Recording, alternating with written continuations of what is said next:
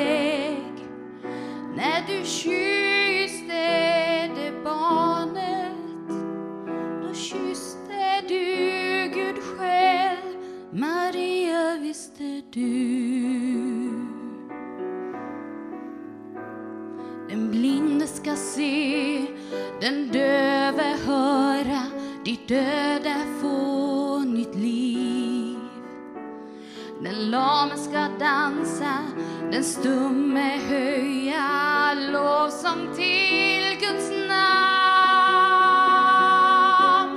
Maria, visste du att ditt lilla barn är skapelsens konung Maria, visste du att ditt lilla barn är frälsaren vi väntar Visste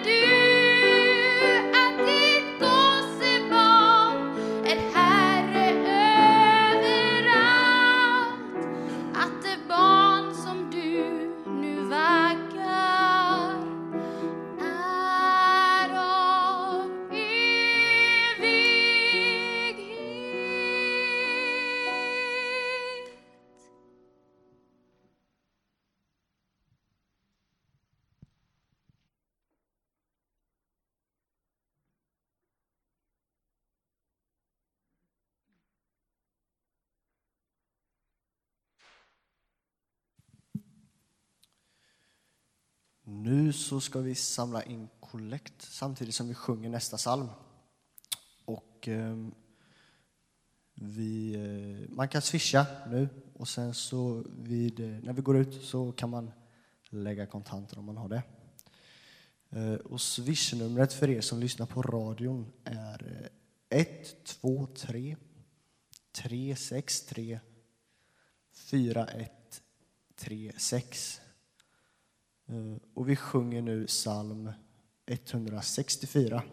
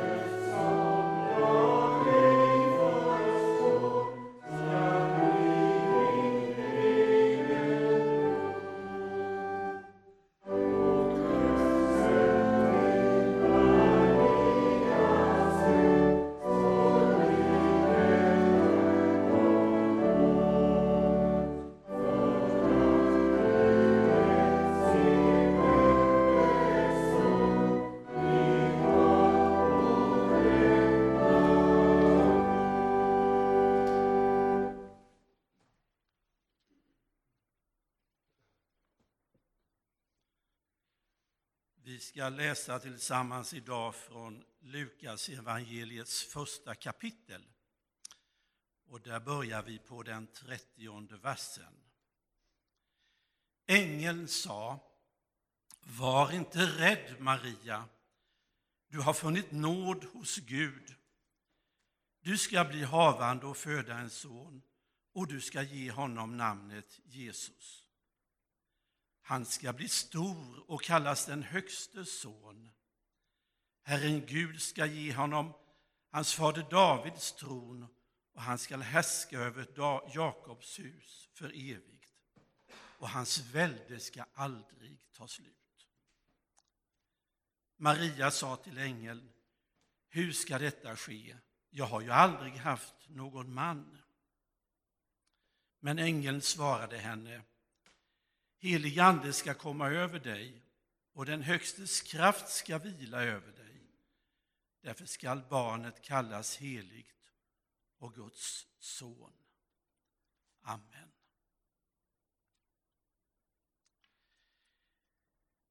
Jo, Maria hon hade nog all anledning att vara rädd. Maria var en rädd människa i den här situationen. Det vi idag kallar för trygghet, det var något som låg långt i fjärran från hennes värld. Snarare var det osäkerheten och rädslan över vad som skulle kunna hända som rådde. I hennes värld betydde den lilla människan ingenting. Det var makter och krafter i rörelse som hon och hennes omgivning var helt utlämnade åt. Och så till detta kommer att hon får en föraning, ett besök om en framtid som var henne helt okänd och allt annat än trygg. Man kunde bli rädd för mindre. Jo, Maria hade all anledning att vara rädd. Vi ruskar ibland på huvudet och tycker att det är värre än någonsin.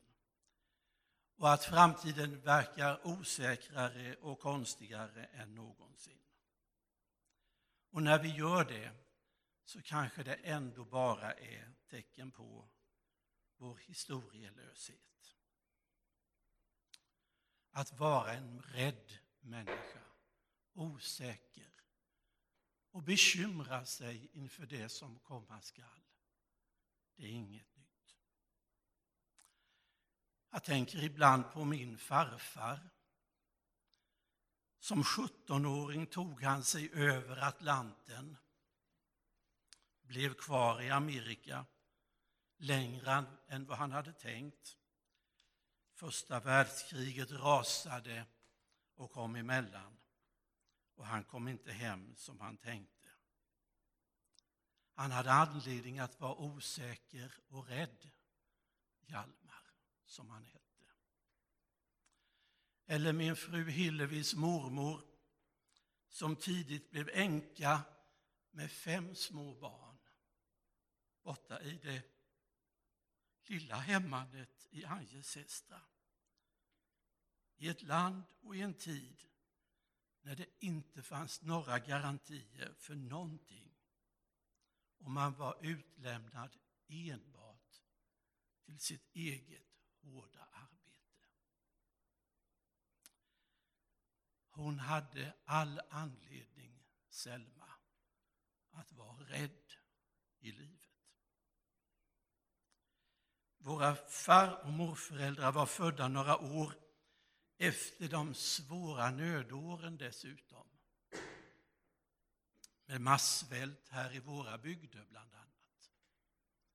Där deras föräldrar visste in på bara kroppen vad det innebar att vara rädd, osäker och känna att livet inte bar alltid. Orosmolnen var verkliga på ett mycket konkret och allvarligt sätt.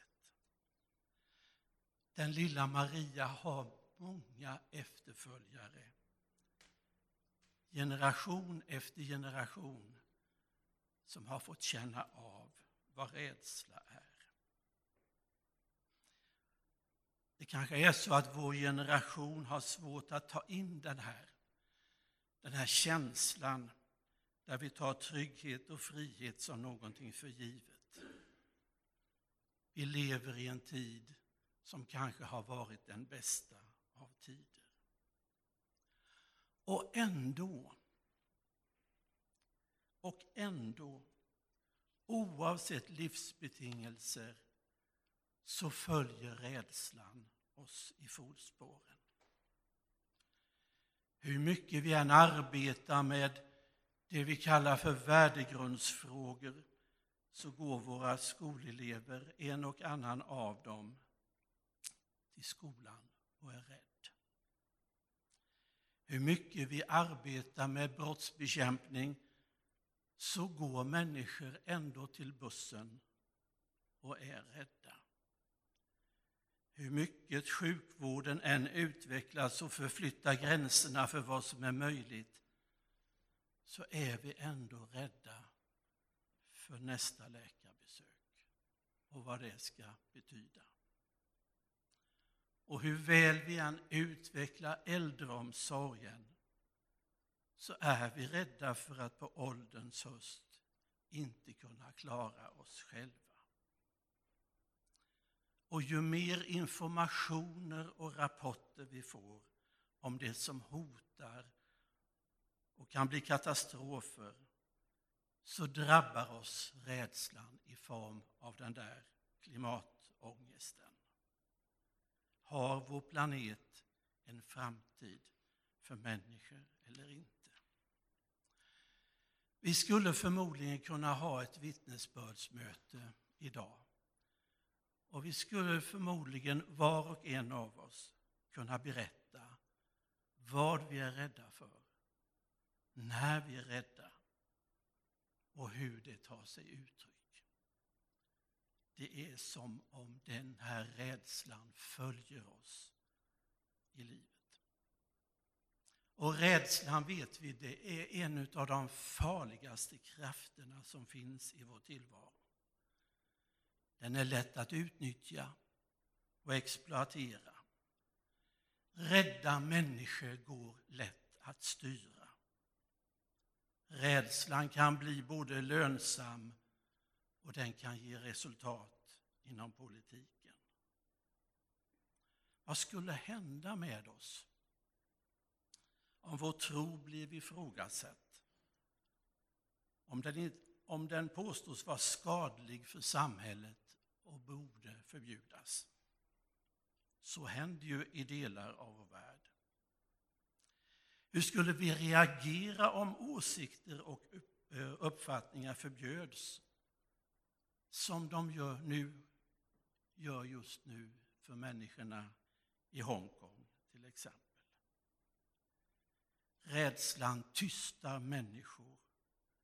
Rädslan driver människor. Och rädslan kan ta blott så mycket av det liv som har getts oss. Vi människor, vi ska göra allt som står i vår makt för att skapa förutsättningar för trygghet och säkerhet. Det är föräldrars instinkt att kunna ge sina barn den där tryggheten. Det är vårt ansvar som medborgare, att hjälpas åt så att människor runt omkring oss inte känner det som Maria kände det idag. Det är en stor kallelse i livet att vara en medmänniska som skapar den där tryggheten. Kanske att kunna få vara en ängel från Gud som säger till andra, var inte rädd.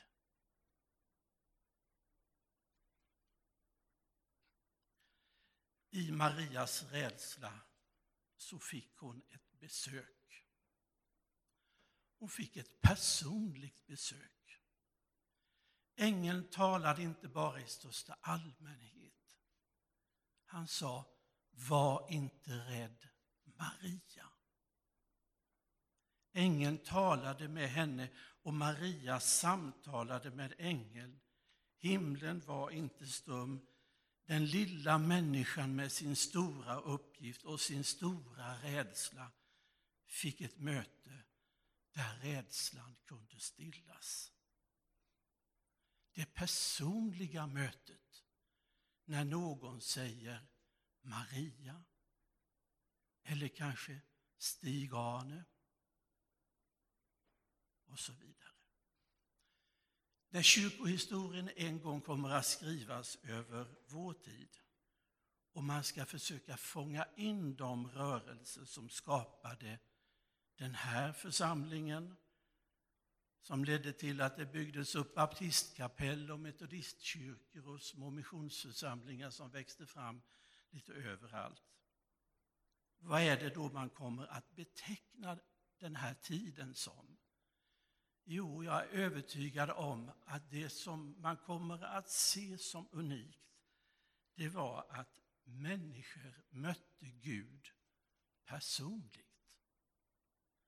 Vi brukar ju säga så ibland, att vi fick ett personligt möte med Gud.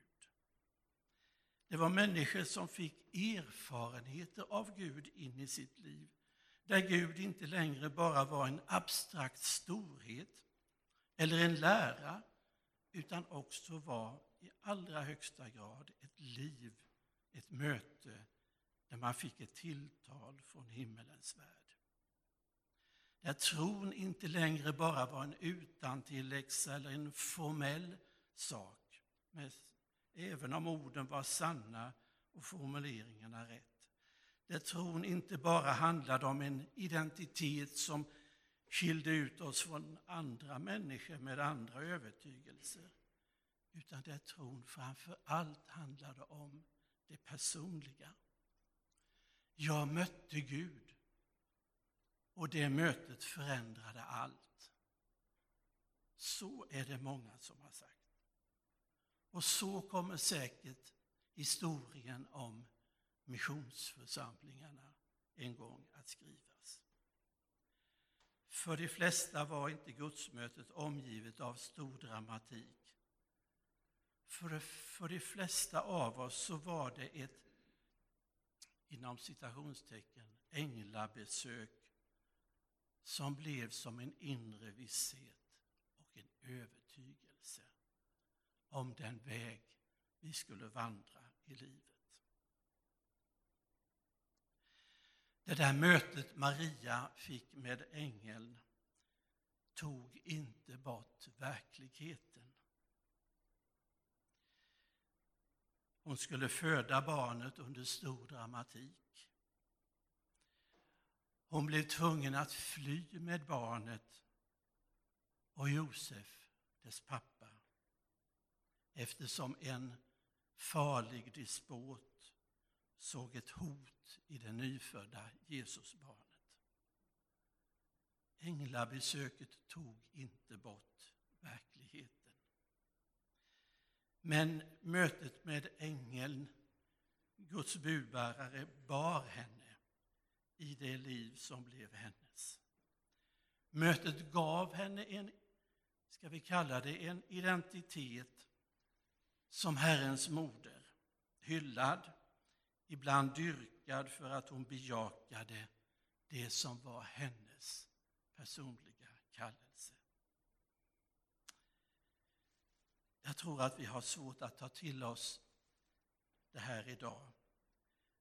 Vad det innebär att livet är något mer än bara kläderna på kroppen, som det heter att Gud är någon som vill något med våra liv. Att Gud har en uppgift för oss, ett anspråk och en mening med våra liv. Att mötet med ängel inte stannar vid en upplevelse utan att den också skapar en inriktning och en hållning i livet. En, en färdväg en kallelse, en bit som vi ska gå. Vår kallelse det är inte att ställa oss vid sidan av utan att hitta det där utrymmet mitt i livet som blivit oss givet.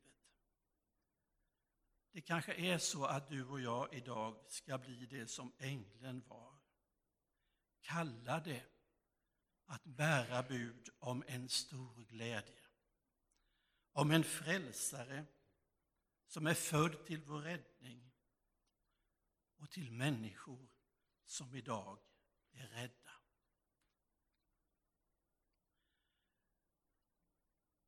Maria överlät sitt liv i Guds händer. Hon förstod inte allt. Och vi kan nog påstå att hon inte begrep vad ängelns ord skulle betyda för henne. Hon kunde inte överblicka allt det som skulle inrymmas i hennes liv. Men hon överlät det åt Gud. Strax efter vår text så uttrycker hon de här orden. Må det ske med mig som du har sagt. Hon överlät sitt liv i Guds barmhärtiga händer. Att lägga sitt liv i Guds händer. Göra det man kan, men samtidigt lägga det i Guds händer. Margareta Melin skriver så här.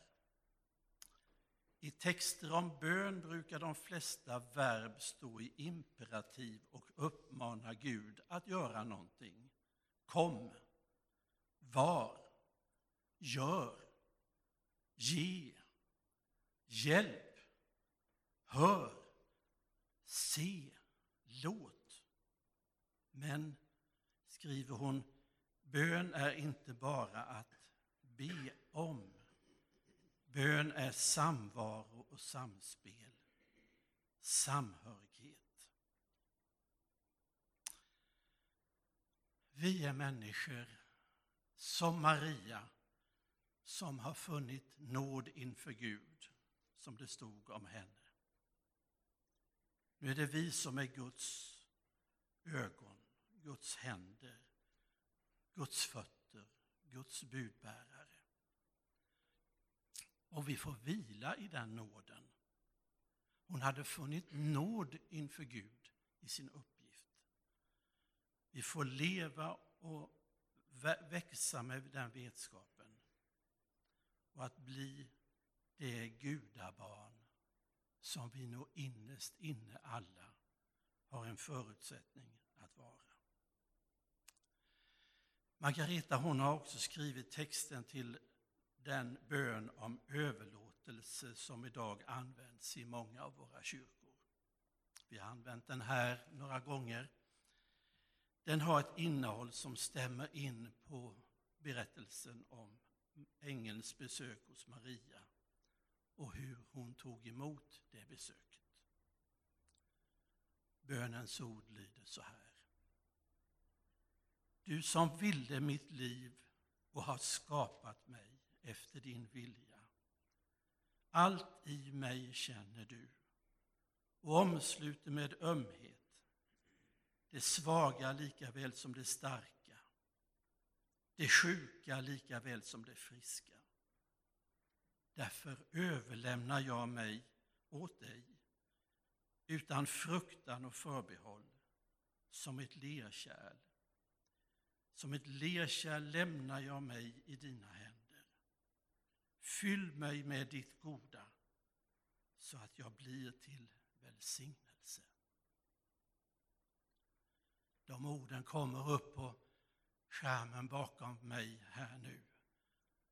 Och vi beder dem tillsammans igen. Du som ville mitt liv och har skapat mig efter din vilja. Allt i mig känner du och omsluter med ömhet. Det svaga lika väl som det starka, det sjuka lika väl som det friska. Därför överlämnar jag mig åt dig utan fruktan och förbehåll. Som ett lerkärl lämnar jag mig i dina händer. Fyll mig med ditt så att jag blir till välsignelse. Så beder vi i Jesu namn.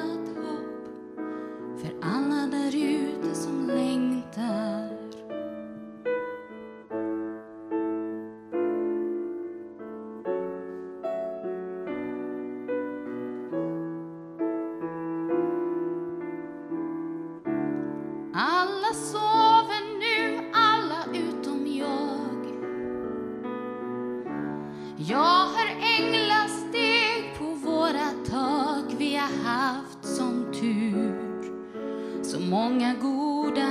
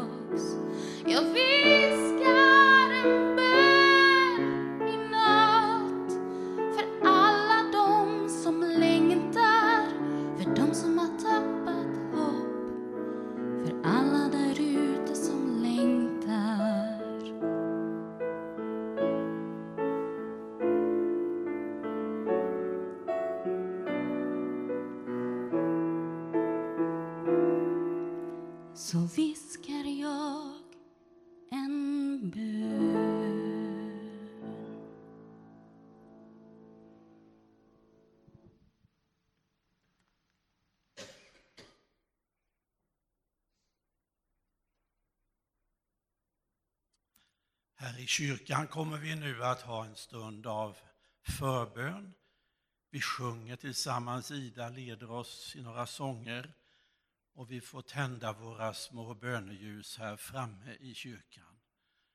Och om någon här som är på plats vill ha en liten enkel förbön så finns vi här till reds för dig. Nu sjunger Ida och vi sjunger med och vi avsätter en stund då vi kommer inför Herrens ansikte.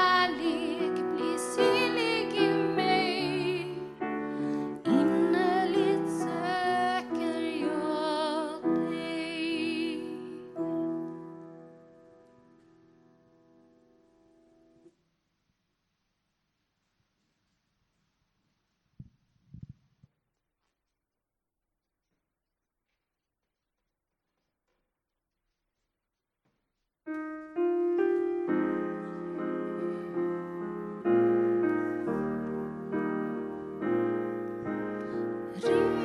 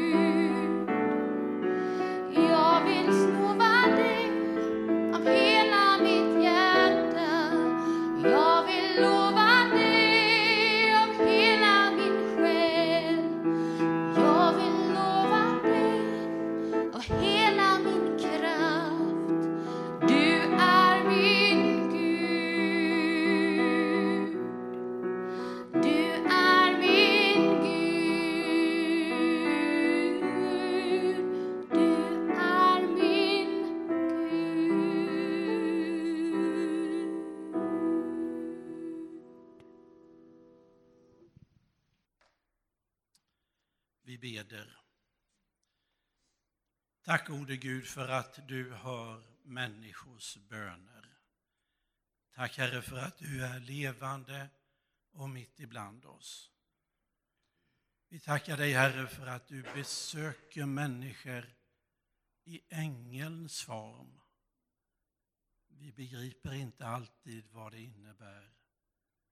Men ibland, Herre, kan det glimta till och vi förstår din närvaro. Nu ser du, Herre, bönens ljus som vi har tänt. Vad som finns bakom varje ljus. Vi ber dig, Herre, för det som är vår svaghet i kroppen, våra sjukdomar.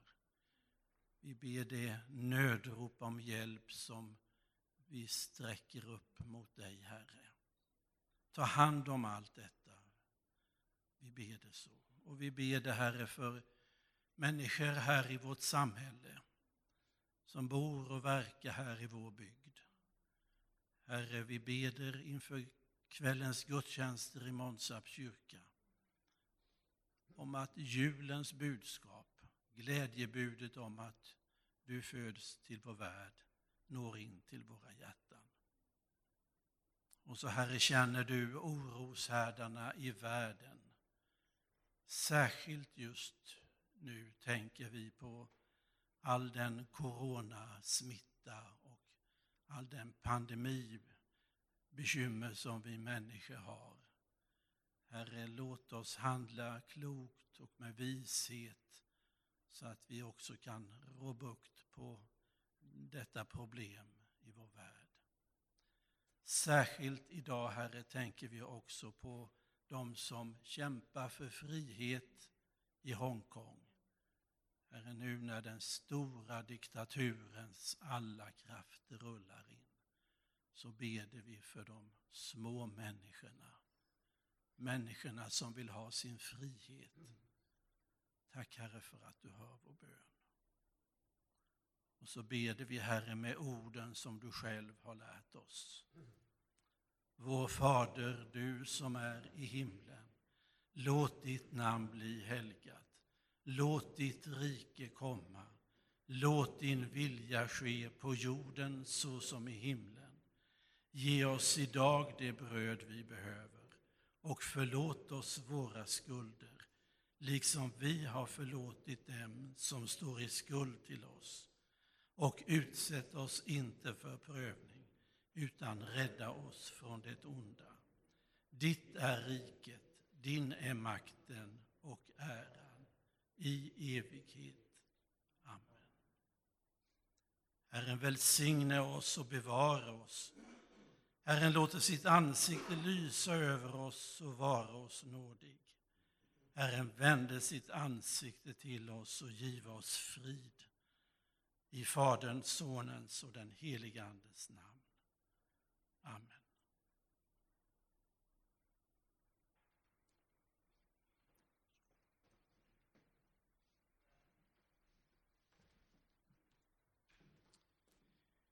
idag och vi ska strax avsluta med att sjunga psalm 109 men vi vill också tacka de som har lyssnat in på, på eh, samradion eh, innan vi avslutar.